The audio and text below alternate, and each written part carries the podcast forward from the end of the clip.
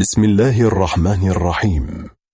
نرفع آيات العزاء لمقام صاحب العصر وولي الأمر عجل الله فرجه الشريف في مصاب جده الإمام الحسين عليه السلام. ماذا قدم الإمام علي عليه السلام من عطاء للمجتمع الإنساني؟ نقدم لكم محاضرة سماحة الحجة السيد منير الخباز دام عطاؤه في الليلة الثامنة. من شهر محرم الحرام لعام 1442 للهجرة النبوية.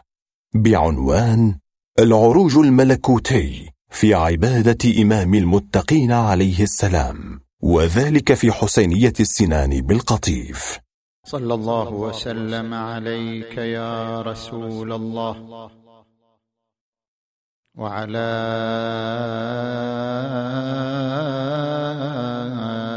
أهل بيتك. المنتجبين يا ليتنا كنا معكم. فنفوز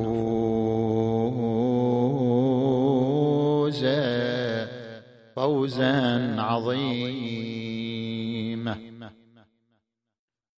أعوذ بالله من الشيطان الغوي الرجيم. بسم الله الرحمن الرحيم. إنني أنا الله لا إله إلا أنا. فاعبدني وأقم الصلاة لذكري.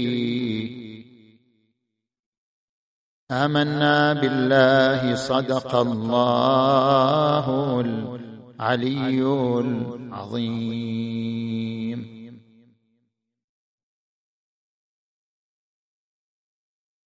حديثنا انطلاقا من الآية المباركة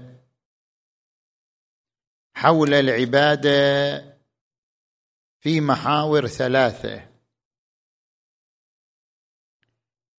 في الاتجاه الفطري نحو الله. وفي العبادة في أفق العرفان وفي لذة المناجاة وجمال المناجاة في عبادة الإمام أمير المؤمنين علي عليه السلام.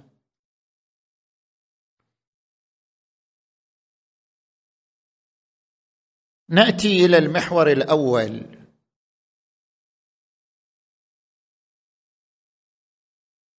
اتجاه الإنسان إلى الله. هل هو ميل فطري؟ موجود وكامن في طبيعة الإنسان. أم أن توجه الإنسان نحو الله خاضع لتلقين أسري أو ثقافة اجتماعية أو املاء قسري نحن المسلمين نعتقد أن اتجاه المخلوق نحو الخالق أمر فطري. فإن القرآن الكريم يقول فأقم وجهك للدين حنيفا فطرة الله التي فطر الناس عليها. وتؤكد هذه الحقيقة كلمات مجموعة من فلاسفة وعلماء الغرب أن الاتجاه نحو الله بعد فطري كامن في الإنسان. نذكر كلمات بعض هؤلاء الفلاسفة والعلماء. الفيلسوف الأول شلاير ماخر. هذا فيلسوف ألماني كان في القرن الثامن عشر. له كتاب عن الدين خطابات لمحتقريه من المثقفين. ترجمة أسامة الشحماني. يقول في هذا الكتاب في تعريفه للدين الدين هو الإحساس بالتواصل مع المطلق والطعم اللانهائي في المعنى. ولا يتحقق فهم الدين من دون كمال هذه الدائرة. ويقول في عبارة أخرى إنما يمارسه المتدينون هو البحث عن الله في داخلهم. ماذا يعني بهذه العبارات؟ ماخر. ماخر فواجه في زمانه مجموعة من النخب المثقفة أقصت الدين عن الحياة. طبعا نحن لا نتهم كل مثقف لا بعض المثقفين تاج على رؤوسنا. إنما هناك بعض المثقفين يحاولون في الغرب أو الشرق إقصاء الدين تماما عن الحياة. هو بهذا الصدد في قبال هؤلاء يقول إن إقصاءهم للدين ناشئ عن سوء فهمهم للدين. ليس الدين قوة سياسية حتى يخاف منه. الدين بنظره تجربة وجدانية عميقة. هذه التجربة الوجدانية العميقة تعني احساسا داخليا بتواصل مع المطلق اللامحدود. يشعر الإنسان في داخله أنه متجه نحو اللامحدود نحو اللانهائي. كما يقول علماء العرفان عندنا فناء المحدود في اللامحدود. ذوبان المتناهي في اللامتناهي. هذا الشعور هذا الإحساس هو الدين. ويقول بأن هذا الإحساس ينمو ويكبر كلما فهم الإنسان وأدرك ترابط مناحي الوجود. يقول الوجود كله مترابط. كله أسرة واحدة. الإنسان بالطبيعة بالوجود المطلق. هناك وجود مترابط يشعر الإنسان به أنه جزء من هذه المنظومة المرتبطة بالوجود المطلق اللامحدود. نجي إلى الفيلسوف الثاني. رودولف أوتو. هذا كان موجود بين القرن التاسع عشر والقرن العشرين. أيضا فيلسوف ألماني لاهوتي. اشتهر بنشر مفهوم عبروا عنه نومينوس. ما هو المقصود بهذا المفهوم؟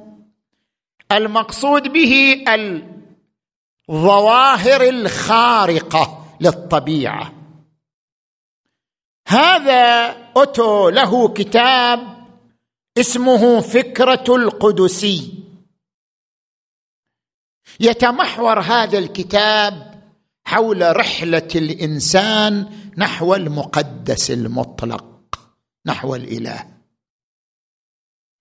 فيقول في هذا الكتاب كيف نفسر شعور الإنسان بالإقبال على الإله مع أن الإله ليس إنسان. يعني أنا الآن أقبل عليك لأنك إنسان مثلي أشعر في تواصل بيني وبينك فأقبل عليك. لكن كيف نفسر إقبال الإنسان على الإله أو شعور الإنسان بالإله مع أن الإله منعزل عنه؟ يعني أن الإله ليس إنسان مثله. كيف نفسر ذلك؟ يقول إن هذا التواصل ليس معطى عقلاني يعني لا يمكن تحديده عقلا. وإنما نتلمس آثاره في ذات الإنسان. هذا التواصل إلى آثار في ذات الإنسان. ما هي؟ ثلاثة أبعاد. البعد الغيبي الجليل. البعد الغيبي الجليل هو عبارة عن حالة تنتاب الإنسان من الفزع والخوف عندما يدرك القوة المطلقة. القوة المطلقة قوة مسيطرة على الوجود. تبث جبروتها وملكوتها وهيمنتها من أصغر ذرة إلى أعظم مجرة. متى التفت الإنسان إلى هذه الحقيقة؟ حقيقة القوة المطلقة. تنتابه حاله من الرعب والخوف. وإذا انتابته الحالة نفسه تميل إلى الانصعاق والانمحاء في تلك القوة المطلقة. هذا يلتقي مع مفهوم عرفاني عندنا. مفهوم الصعق مفهوم المحو.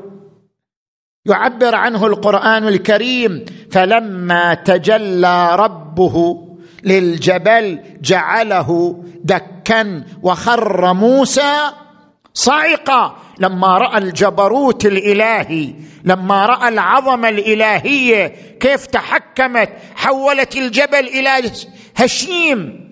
خر موسى صاعقا. البعد الثاني يسميه الغيبي الساحر. يقول نفس هالقوة هذه إلا إذا الإنسان التفت إليها صير عنده حالة من الخوف والفزع. هي نفسها. إذا التفت الإنسان إليها رآها معين من الحب معين من الرحمة معين من العطف وربك الغفور ذو الرحمة الرحمن الرحيم. إذا التفت الإنسان إلى هذا المعين تنتابه حالة من الحنان والحب والرجاء والتعلق. هذا أيضا يلتقي مع المفاهيم العرفانية عندنا كيف يعيش الإنسان جمال الله. وحب الله تبارك وتعالى. وهناك بعد ثالث يسميه بالمهيب. هذا البعد الثالث قوة توازن بين قوتين. شلون قوة توازن بين قوتين؟ يعني الإنسان لديه قوتان متجاذبتان. هذه تجذب إلى اليمين هذه تجذب إلى اليسار. القوة الأولى الخوف من الله. القوة الثانية حب الله. كيف يجتمع الخوف من الله مع حبه؟ قوة تجذبه وهي قوة الخوف من الله والفزع منه. إن الإنسان خلق هلوعا. قوة تجذبه إلى الله وهي قوة الرجاء قوة الحب. طيب كيف نجمع بين هاتين القوتين؟ يقول هناك قوة ثالثة بعد ثالث في الإنسان يعبر عنه المرجع الموضوعي الذي يشكل توازنا بين البعد الأول والبعد الثاني. في مفاهيمنا العرفانية نعبر عنه بالحكمة.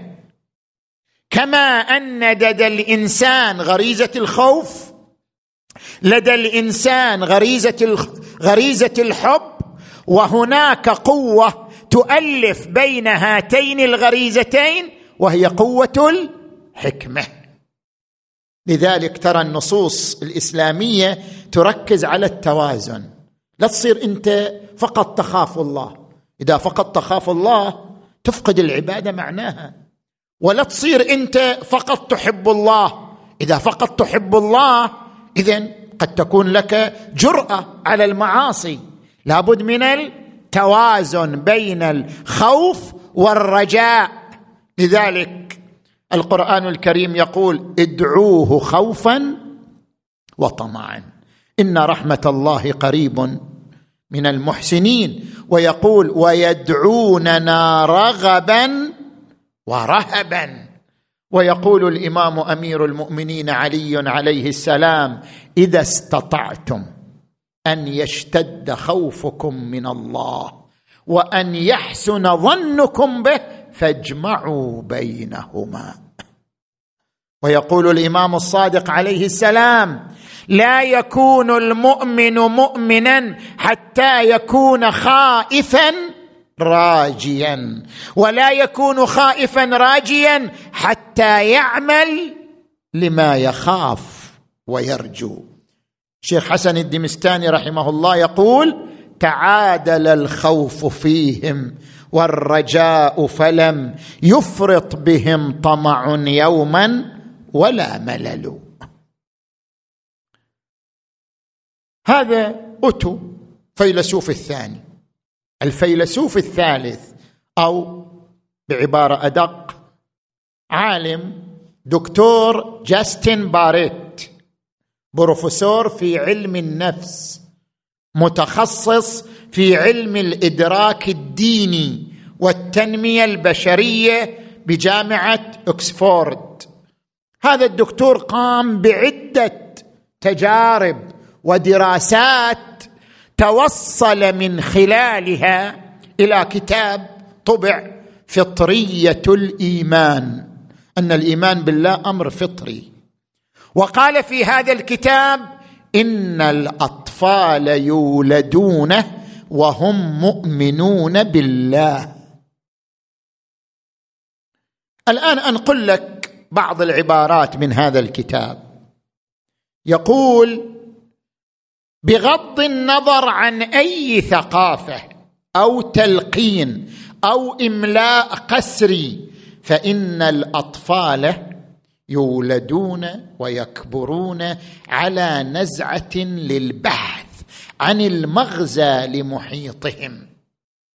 لذلك فإن عقولهم تتطور وتنمو بشكل طبيعي. يعني إذا تترك الطفل لحاله ما تتدخل انت لا بثقافة ولا بت... ولا بإملاء هو بالشكل الطبيعي رايح يمشي في هذا الاتجاه. عقولهم تتطور وتنمو بشكل طبيعي ويوصلهم البحث في النهاية إلى الإيمان بأن العالم مصمم بدقة. وبشكل هادف وأن صانعا ذكيا يقف وراء هذا التصميم وأنه مطلق القدرة واسع العلم والمعرفة سرمدي الخلود وأنه واضع القيم الأخلاقية. هذا ما أردنا الكلام فيه في المحور الأول أن الاتجاه نحو الله فطري. نجي إلى المحور الثاني. العبادة في أفق العرفان. العبادة لها مسارات. المسار اللغوي المسار الفقهي المسار العرفاني. اللغة علماء اللغة عندما يتناولون العبادة يقولون العبادة هي الخضوع. القرآن الكريم يقول قالوا أنؤمن لبشرين مثلنا وقومهما لنا عابدون. عابدون يعني خاضعون. أو يقول تبارك وتعالى ألم أعهد إليكم يا بني آدم أن لا تعبدوا الشيطان؟ لا تعبدوا يعني لا تخضعوا للشيطان. يقول الإمام الحسين عليه السلام الناس عبيد الدنيا عبيد يعني خاضعون للدنيا. ومن أصغى إلى ناطق فقد عبده. العبادة في اللغة بمعنى الخضوع. المسار الفقهي فقهاء عندما يعرفون العبادة يقولون العبادة إضافة العمل إلى الله بداعي الاستحقاق. أصلي لله يعني أضيف الصلاة إلى الله. أصوم لله يعني أضيف الصيام إلى الله. بأي داعي؟ بداعي أنه يستحق ذلك لأن الخضوع له دواعي. قد يخضع الإنسان بداعي الشهوة كما لو خضع للشيطان. قد يخضع الإنسان بداعي المحبة واخفض لهما جناح الذل من الرحمة وقل رب ارحمهما كما ربياني صغيرا. وقد يخضع الإنسان بداعي الاستحقاق. يخضع لله لأن الله مستحق للخضوع والعبادة. ما عبدتك خوفا من نارك. يقول الإمام أمير المؤمنين ولا طمعا في جنتك ولكن وجدتك أهلا. للعبادة فعبدتك. نجي إلى المسار العرفاني التفت لي قليلا. علماء العرفان يقولون العبادة أعمق من هذا الكلام. ليست العبادة مجرد خضوع ولا مجرد إضافة عمل إلى الله عز وجل. العبادة ليست هي الأذكار والحركات. كل هذا مظهر للعبادة صورة للعبادة. العبادة أعمق من هذا كله. العبادة علاقة جلالية وعلاقة جمالية. فاختر واحدة من هاتين العلاقتين. العلاقة الجلالية أن يعيش الإنسان جلال الله في قلبه. كيف يعيش الإنسان جلال الله؟ يقول السيد صاحب الميزان الطباطبائي عليه الرحمة في الجزء الأول من الميزان صفحة سبعة وثلاثين عندما يتحدث عن قوله تعالى إياك نعبد يقول خلط المفسرون أو فص أو فرق المفسرون بين كلمة العبادة وكلمة العبودية. فسروا العبادة بمعنى والعبودية بمعنى. والحال بأن كلتا الكلمتين مشتقتان من مادة واحدة وهي الملك. كل ما في الكون ملك لله لأنه مفاض من قبل الله. سنريهم آياتنا في الآفاق وفي أنفسهم حتى يتبين لهم أنه الحق. أولم يكف بربك أنه على كل شيء شهيد؟ ألا إنهم في مرية من لقاء ربهم؟ ألا إنه بكل شيء محيط؟ كل ما في الكون ملكه. تبارك الذي بيده الملك وهو على كل شيء قدير. إن كل من في السماوات والأرض إلا آتي الرحمن عبدا يعني مملوك. بما أن الوجود ملك لله. وأنت أيها الإنسان جزء من الوجود فأنت ملك لله. فالعبادة الجلالية تعني إبراز المملوكية. أن تظهر أنك مملوك لله. أن تبرز أنك مملوك لله. هذه هي الصورة الجلالية للعبادة. ولذلك لا تجتمع العباده مع الاستكبار. يقول القرآن الكريم ادعوني أستجب لكم. إن الذين يستكبرون عن مو يستكبرون في لأن العبادة ما تجتمع مع الاستكبار قال عن. يعني الاستكبار ما يجتمع مع العبادة. إن الذين يستكبرون عن عبادتي سيدخلون جهنم داخرين. نجي إلى الصورة الجمالية. كثير من الناس يحب أن يعيش جمال الله أن يعيش المضامين الجمالية لله أن يتحلى بالعبادة الجمالية. العبادة الجمالية تعني مجموعة من الصور. الصورة الأولى أن العبادة تربية للروح وتزكية للنفس لأن العبادة تطهر النفس من درن الذنوب وتوقظ فيها ذكر الله والإحساس برقابة الله. وهذا ما يعبر عنه القرآن الكريم بذكري وأقم الصلاة لذكري. ويقول القرآن الكريم ومن أعرض عن ذكري فأن له معيشة ضنكا ونحشره يوم القيامة أعمى. الصورة الثانية أن العبادة مظهر للحب. حب الجمال المطلق.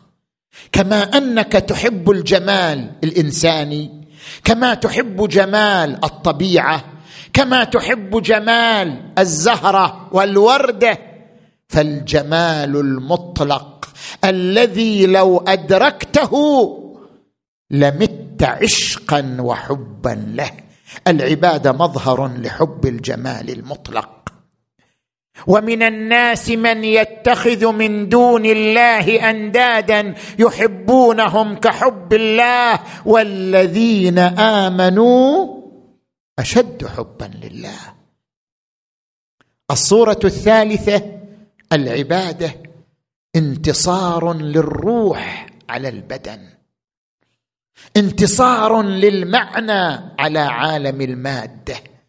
عندما تنتصر على المادة على قيودها تتحرر من أغلالها تعيش مشغولا بالله مشغولا بذكر الله مشغولا بالتأمل في الله تبارك وتعالى.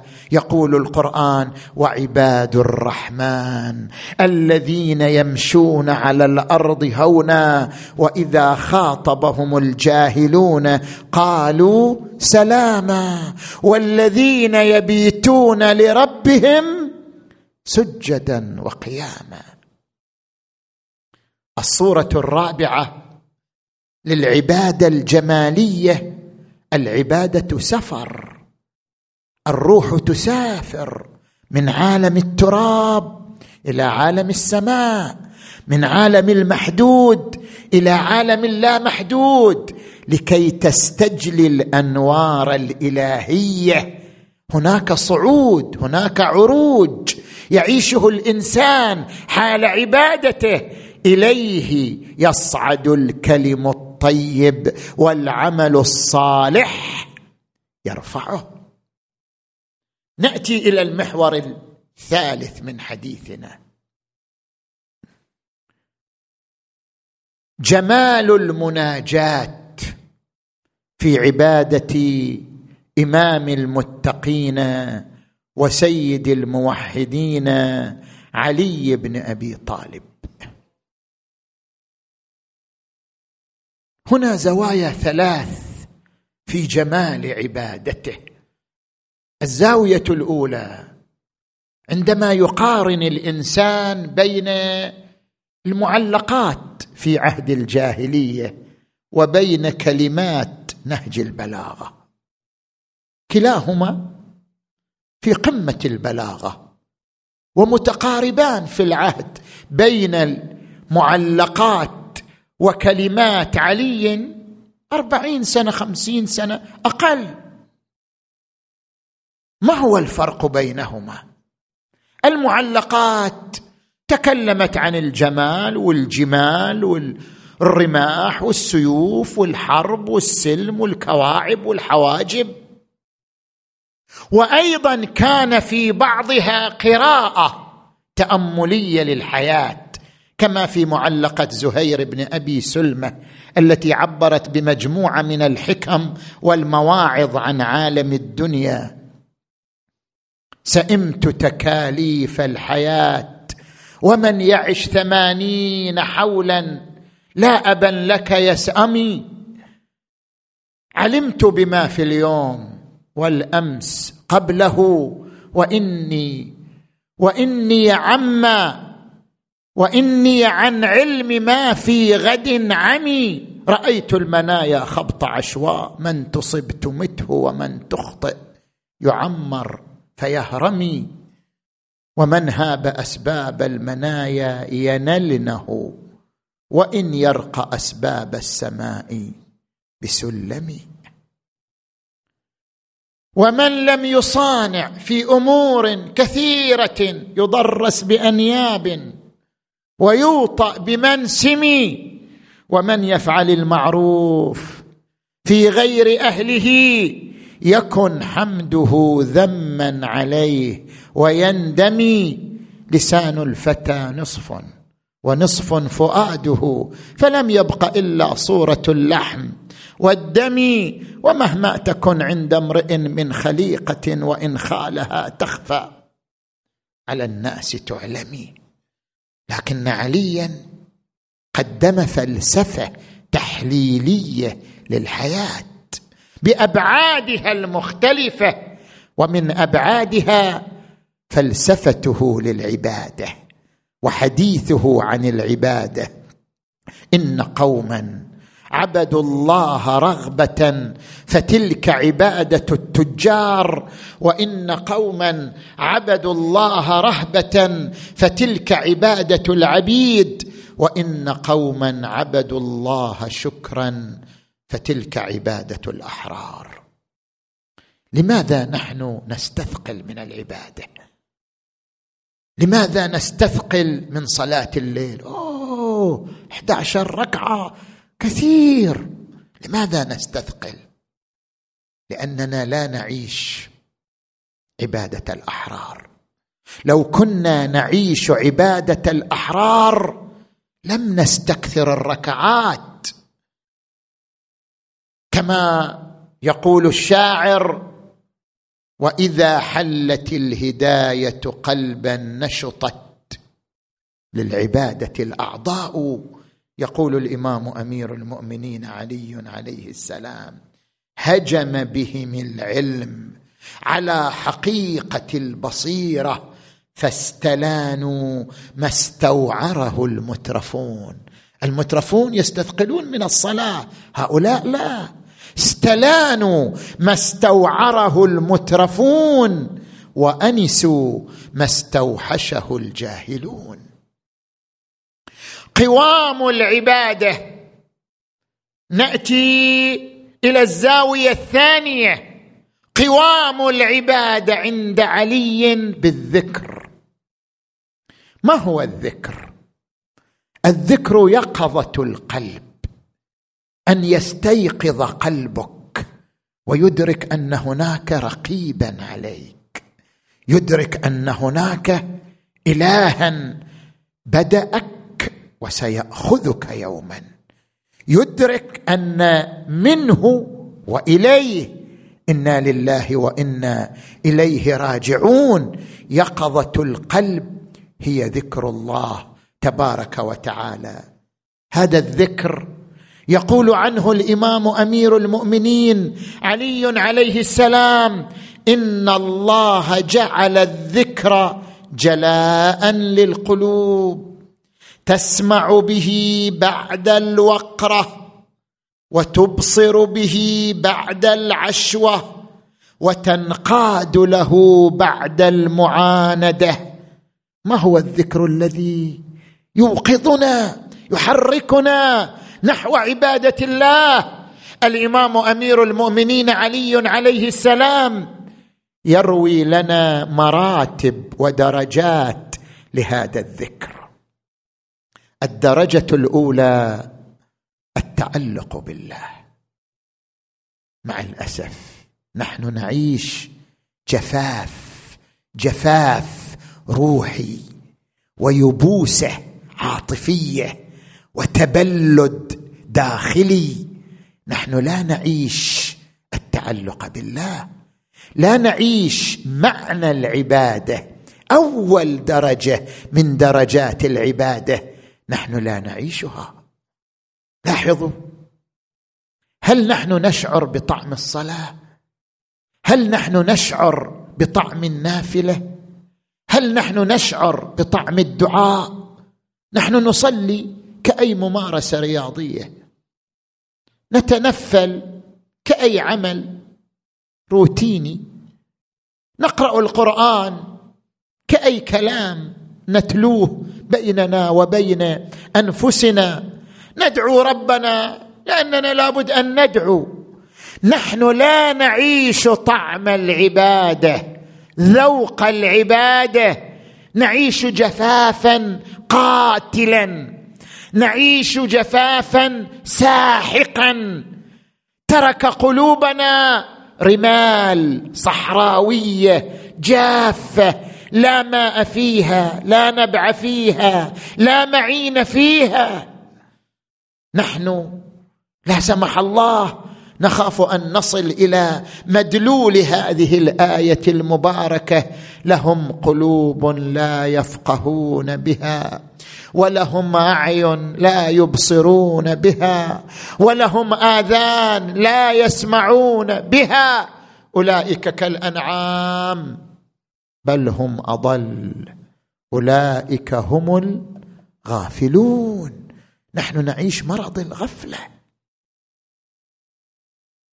الإمام يوقظنا إلى درجة التعلق بالله تبارك وتعالى عندما يقول أحيا عقله وأمات نفسه حتى دق جليله ولطف غليظه وبرق له برق لامع. البرق اللامع الهداية الإلهية. متى ما شعرت بأنك تحب الصلاة فقد برق في قلبك. البرق اللامع فأبان له الطريق وسلك به السبيل وتدافعت به الأبواب إلى باب السلامة وثبتت رجلاه بطمأنينة بدنه في قرار الأمن والراحة والذين جاهدوا فينا. لنهدينهم سبلنا. والذين آمنوا وتطمئن قلوبهم بذكر الله ألا بذكر الله؟ تطمئن القلوب. الدرجة الثانية الانصهار بالذكر الإلهي. نحن نمارس القرآن قراءة تبركية. كتاب الله لازم نقراه. نتبرك به في الفواتح وبعد صلاة الفجر نقرأ لنا كم آية ومع السلامة. القرآن يحتاج إلى قراءة عبادية لا قراءة تبركية.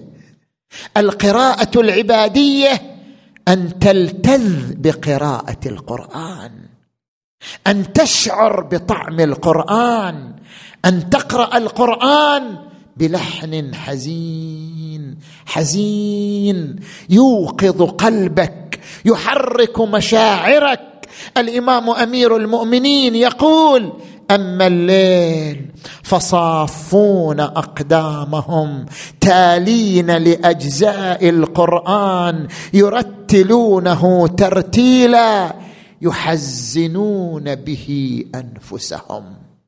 يحزنون به أنفسهم ويستثيرون به دواء دائهم.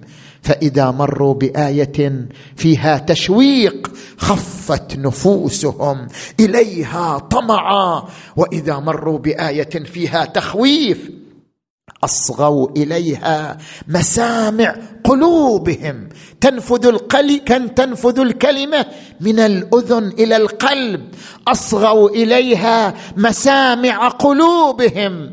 وظنوا أن زفير جهنم وشهيقها في أصول آذانهم. الدرجة الثالثة تناغم المشاعر والقلوب مع ذكر الله. كيف؟ هل نحن نحب الله؟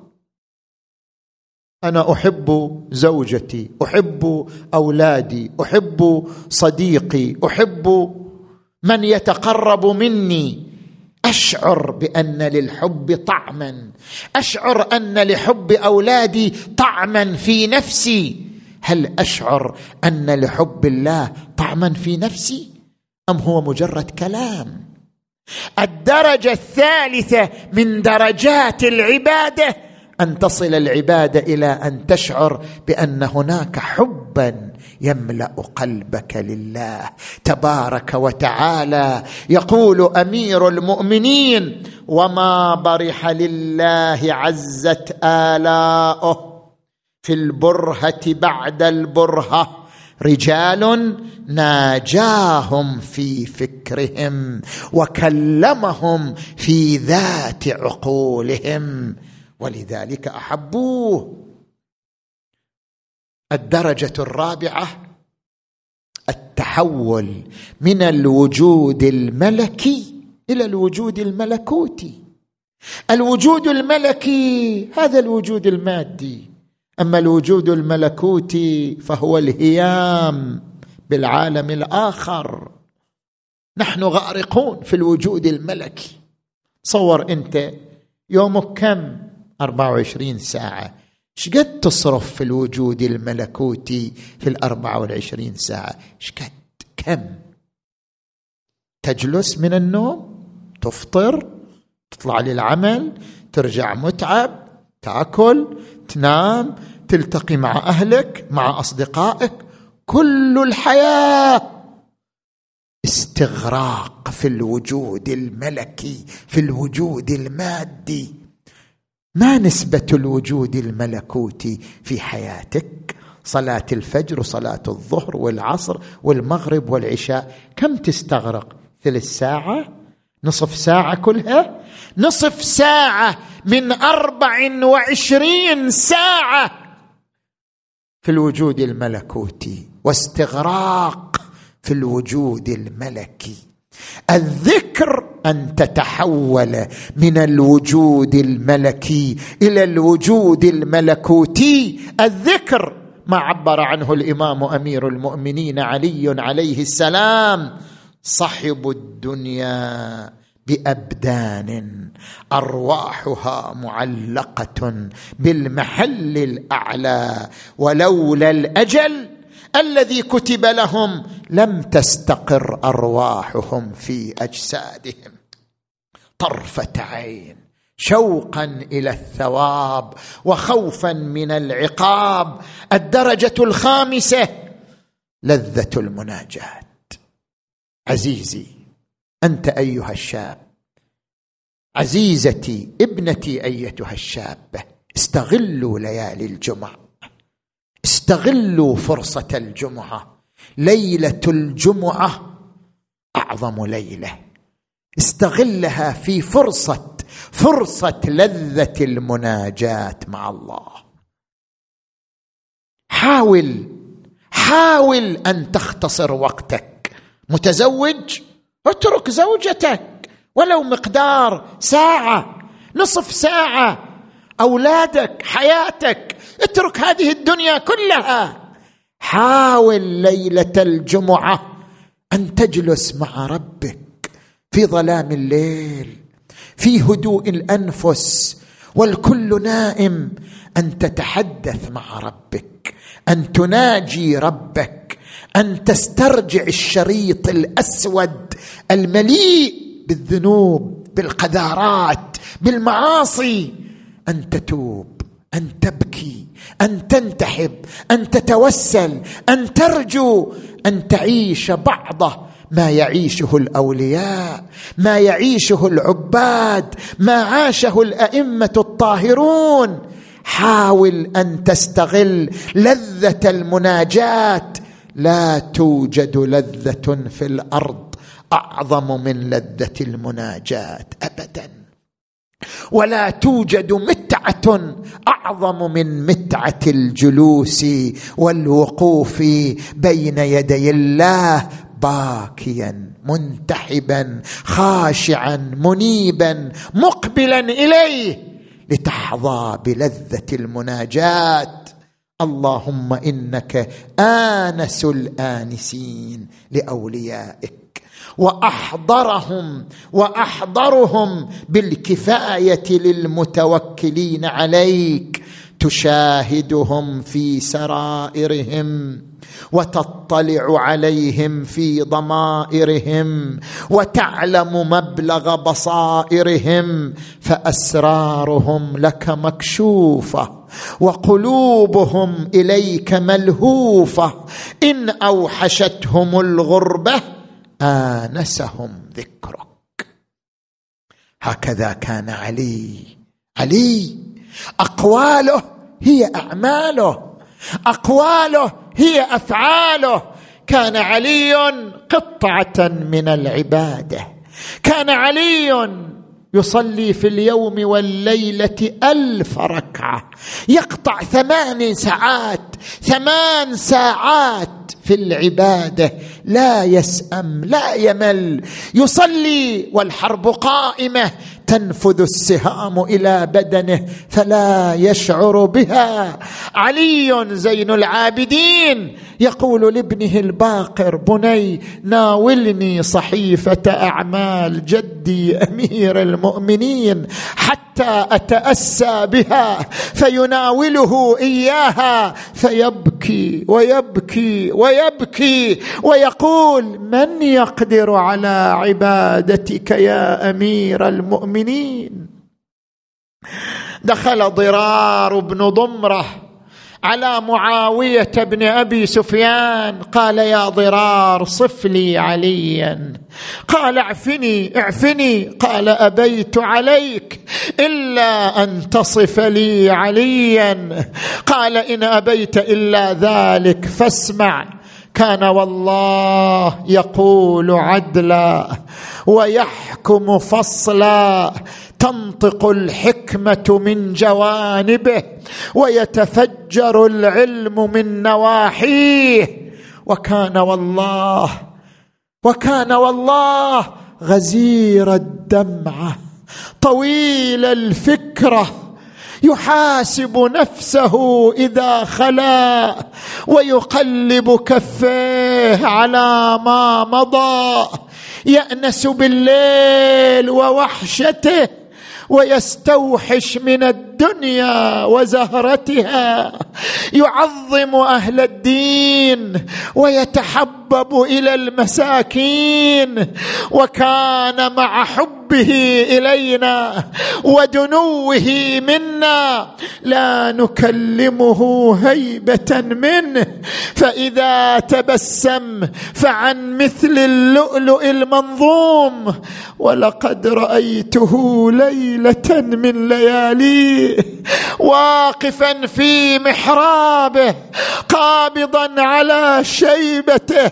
يتململ تململ السليم ويقول آه يا دنيا غري غيري لقد بنتك ثلاثا لا رجعة لي بعدها آه من قلة الزاد لقد بنتك ثلاثا لا رجعة لي بعدها. فعمرك قصير وعيشك حقير وخطرك كبير. آه من قلة الزاد ووحشة السفر وبعد الطريق. علي يعلمنا معنى العبادة.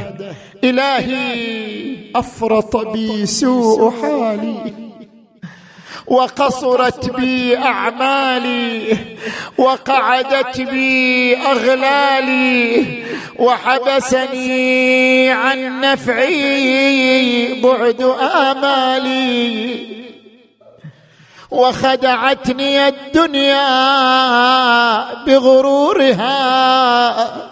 ونفسي بجنايتها. ومطالي يا سيدي.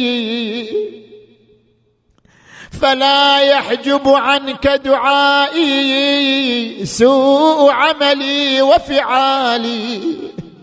ولا تفضحني.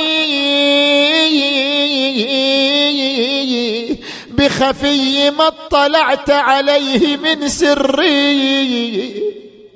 ولا تعاجلني بالعقوبة على ما عملته في خلواتي.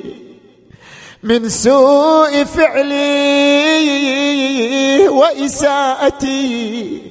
ودوام تفريطي وجهالتي وكثرة شهواتي وغفلتي. وكن اللهم بعزتك لي في كل الأحوال رؤوفا وعلي في جميع الأمور عطوفا. هالكلمات خل تخرج من قلبك آه. تفاعل مع علي بن أبي طالب. إلهي من لي غيرك؟ من لي غير يا ياك أسأله كشف ضري. والنظر في أمري. إلهي أجريت علي حكما اتبعت فيه هوى نفسي. ولم أحترس فيه من تزيين عدوي فغرني بما اهوى وأسعده على ذلك القضاء. ماذا جرى؟ فتجاوزت بما جرى علي بعض حدودك. وخالفت بعض أوامرك. فلك الحجة علي في جميع ذلك ولا حجة لي يا إلهي. فيما جرى علي فيه قضاؤك وألزمني فيه حكمك وبلاؤك. بعد وقد أتيتك. يا إلهي بعد تقصيري وإسرافي على نفسي معتذرا نادما. معتذرا نادما يا يا منكسرا يا مستقيلا. مستغفرا منيبا مقرا مذعنا معترفا لا أجد مفرا مما كان مني ولا مفزعا أتوجه إليه في امري غير قبولك عذري. إلهي فاقبل عذري كل عين باكية يوم القيامة. إلا ثلاث. عين غضت عن محارم الله. وعين بكت من خشية الله. وعين بكت على أبي عبد الله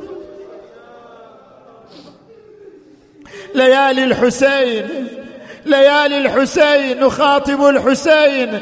أي المحاجر لا تبكي عليك دما. أبكيت والله حتى محجر الحجر. أبا عبد الله تبكيك عيني. لا لأجل مثوبة لكنما عيني.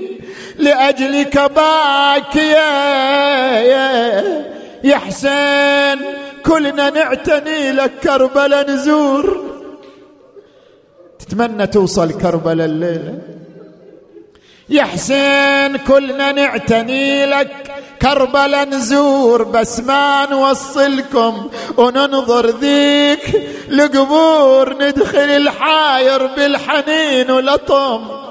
الصدور ونحوم مثل الجلب لا فارق حمية. وننظر لعد رجلك علي حسين مدفون وتهيج عبرتنا ويقرح ماي. العيون نتذكر وقوفك عليه بقلب محزون. محن الظهر وتصيح يا ابن قطعت بي. أبا عبد الله هذه الأيام في كربلاء. ينادي أمام الناصر ينصرنا. أمام ذاب يذب عنا. أحبائي لو غير الحمام أصابكم.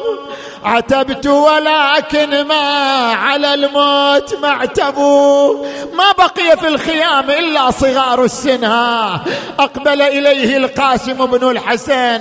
يا عم يا مزيل الهم والغم ائذن لي في مبارزة الأعداء.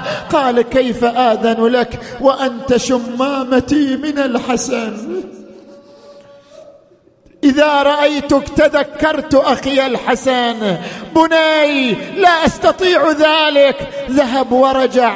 قال عم يا أبا عبد الله ائذن لي لقد ضاق صدري. قال بني قاسم أتمشي برجلك إلى الموت؟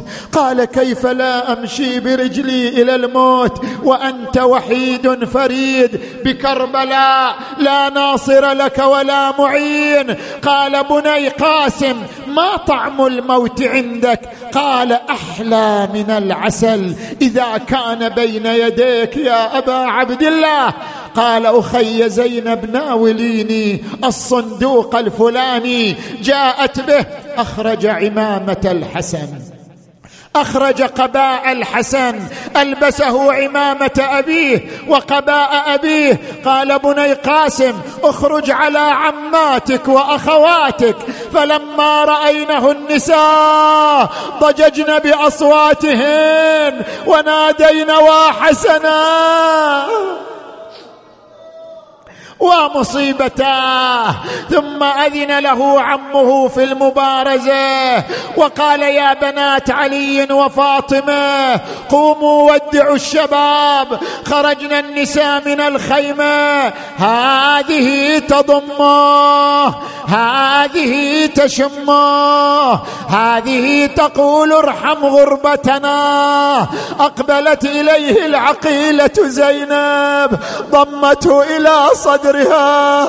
نادت ولدي قاسم أبلغ أمي فاطمة الزهراء. عني السلام وقل إن عمتي زينب بكربلاء. غريبة وحيدة.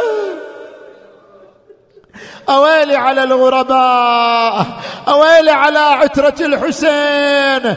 عظم الله أجوركم برز إلى المعركة.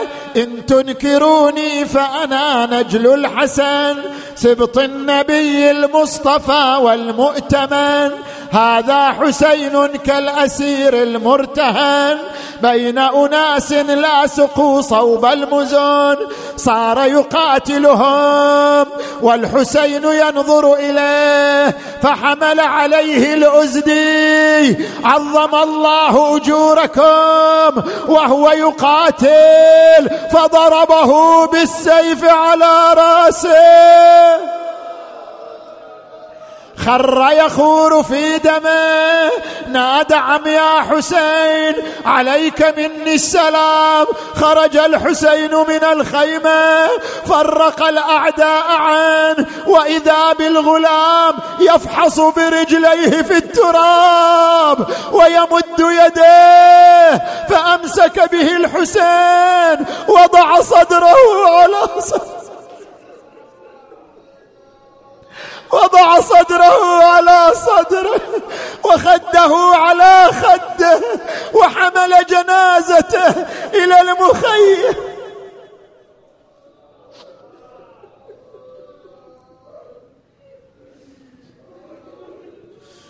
شال حسين جاسم يم الخيام.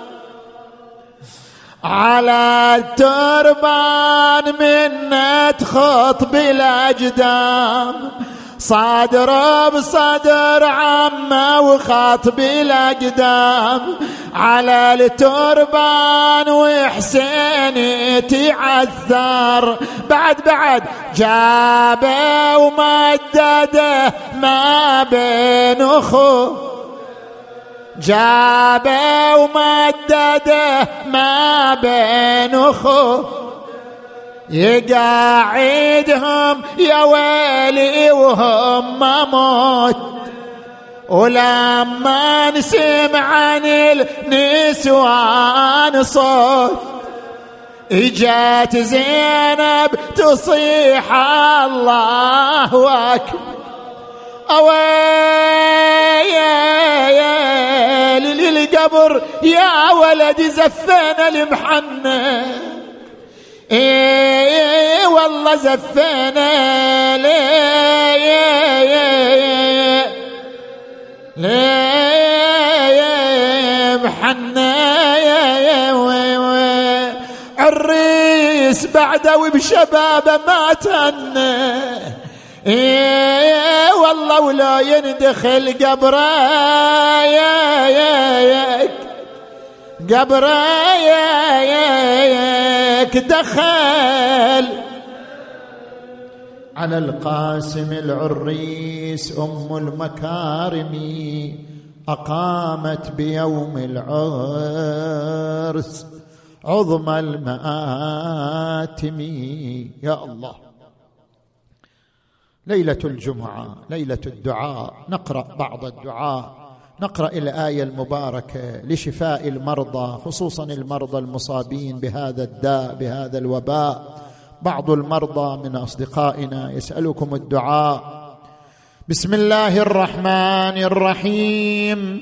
أمن يجيب المضطر إذا دعاه. أمن يجيب المضطر إذا دعاه. أمن يجيب المضطر إذا دعاه. أمن يجيب المضطر إذا دعاه. أمن يجيب المضطر إذا دعاه. عشر مرات يا الله يا الله يا الله. يا الله يا الله يا الله يا الله يا الله يا الله يا الله. اللهم باسمك العظيم الأعظم الأعز الأجل الأكرم يا الله يا الله اغفر ذنوبنا واستر عيوبنا وكفر عنا سيئاتنا وتوفنا مع الأبرار. واللهم تقبل أعمالنا وأعمال المؤمنين والمؤمنات. اللهم اشف مرضانا خصوصا المرضى المنظورين. يا الله اشفهم وعافهم وفرج عنهم يا أرحم الراحمين. واقض حوائجنا وحوائج المؤمنين والمؤمنات. اللهم صل على محمد وآل محمد. اللهم كن لوليك الحجة ابن الحسن صلواتك عليه وعلى آبائه في هذه وفي كل ساعة وليا وقائدا ودليلا حتى تسكنه أرضك طوعا وتمتعه فيها طويلا. برحمتك يا أرحم الراحمين. واجعلنا من أنصاره وأعوانه. وارحم أمواتنا وأموات المؤسسين والمؤمنين والمؤمنات وإلى أرواح الجميع. بلغ ثواب الفاتحة تسبقها الصلوات.